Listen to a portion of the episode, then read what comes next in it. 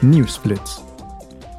De parlementsleden hebben deze week een gewijzigde wet goedgekeurd waarmee Oekraïne een lening van 18 miljard euro zal kunnen ontvangen. Over het oorspronkelijke voorstel had Hongarije zijn veto uitgesproken. Het parlement is akkoord gegaan met het voorstel van de Raad om de zogenoemde macrofinanciële bijstand plus verordening te wijzigen, waarbij elk EU-land voor de lening garant kan staan. In de plenaire vergadering hebben de parlementsleden hun steun uitgesproken voor plannen om meer hernieuwbare energie te produceren. Vergunningen voor de bouw van hernieuwbare energiecentrales of voor de aanpassing van bestaande centrales zullen in bepaalde gebieden sneller worden afgegeven. De EU-landen moeten wel zorgen dat de centrales geen of slechts beperkte negatieve gevolgen hebben voor het milieu. Ook moeten zij verzekeren dat vergunningen voor de aanleg van apparatuur voor zonne-energie op gebouwen binnen één maand worden afgegeven. Gisteren sprak voorzitter Metsola opnieuw over de beschuldigingen van corruptie waar het parlement mee geconfronteerd wordt.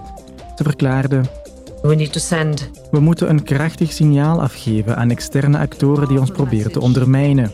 Wij zullen niet zwichten.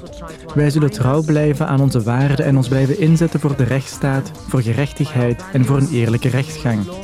Nogmaals verzeker ik jullie dat de daders bestraft zullen worden, dat er niets in de doofpot zal worden gestopt en dat we niet naar de gewone gang van zaken zullen terugkeren. As usual. De voorzitter voegde er nog het volgende aan toe. As of today, I am putting together. Vandaag begin ik een uitgebreid pakket hervormingen samen te stellen, dat in het nieuwe jaar klaar zal zijn. De parlementaire bescherming voor klokkenluiders zal worden versterkt. Alle niet-officiële vriendengroepjes zullen worden verboden. Het toezicht op onze gedragscode zal opnieuw worden bekeken. En we zullen ook uitgebreid kijken naar hoe we met derde landen in contact staan. And a complete and in-depth look of how we interact with third countries.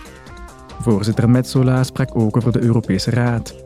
Ze zei dat het Europees Parlement zich op wetgevingsgebied de komende twee jaar zal toeleggen op de hervorming van de energiemarkt, de klimaatambities en de vaststelling van asiel- en migratieregels.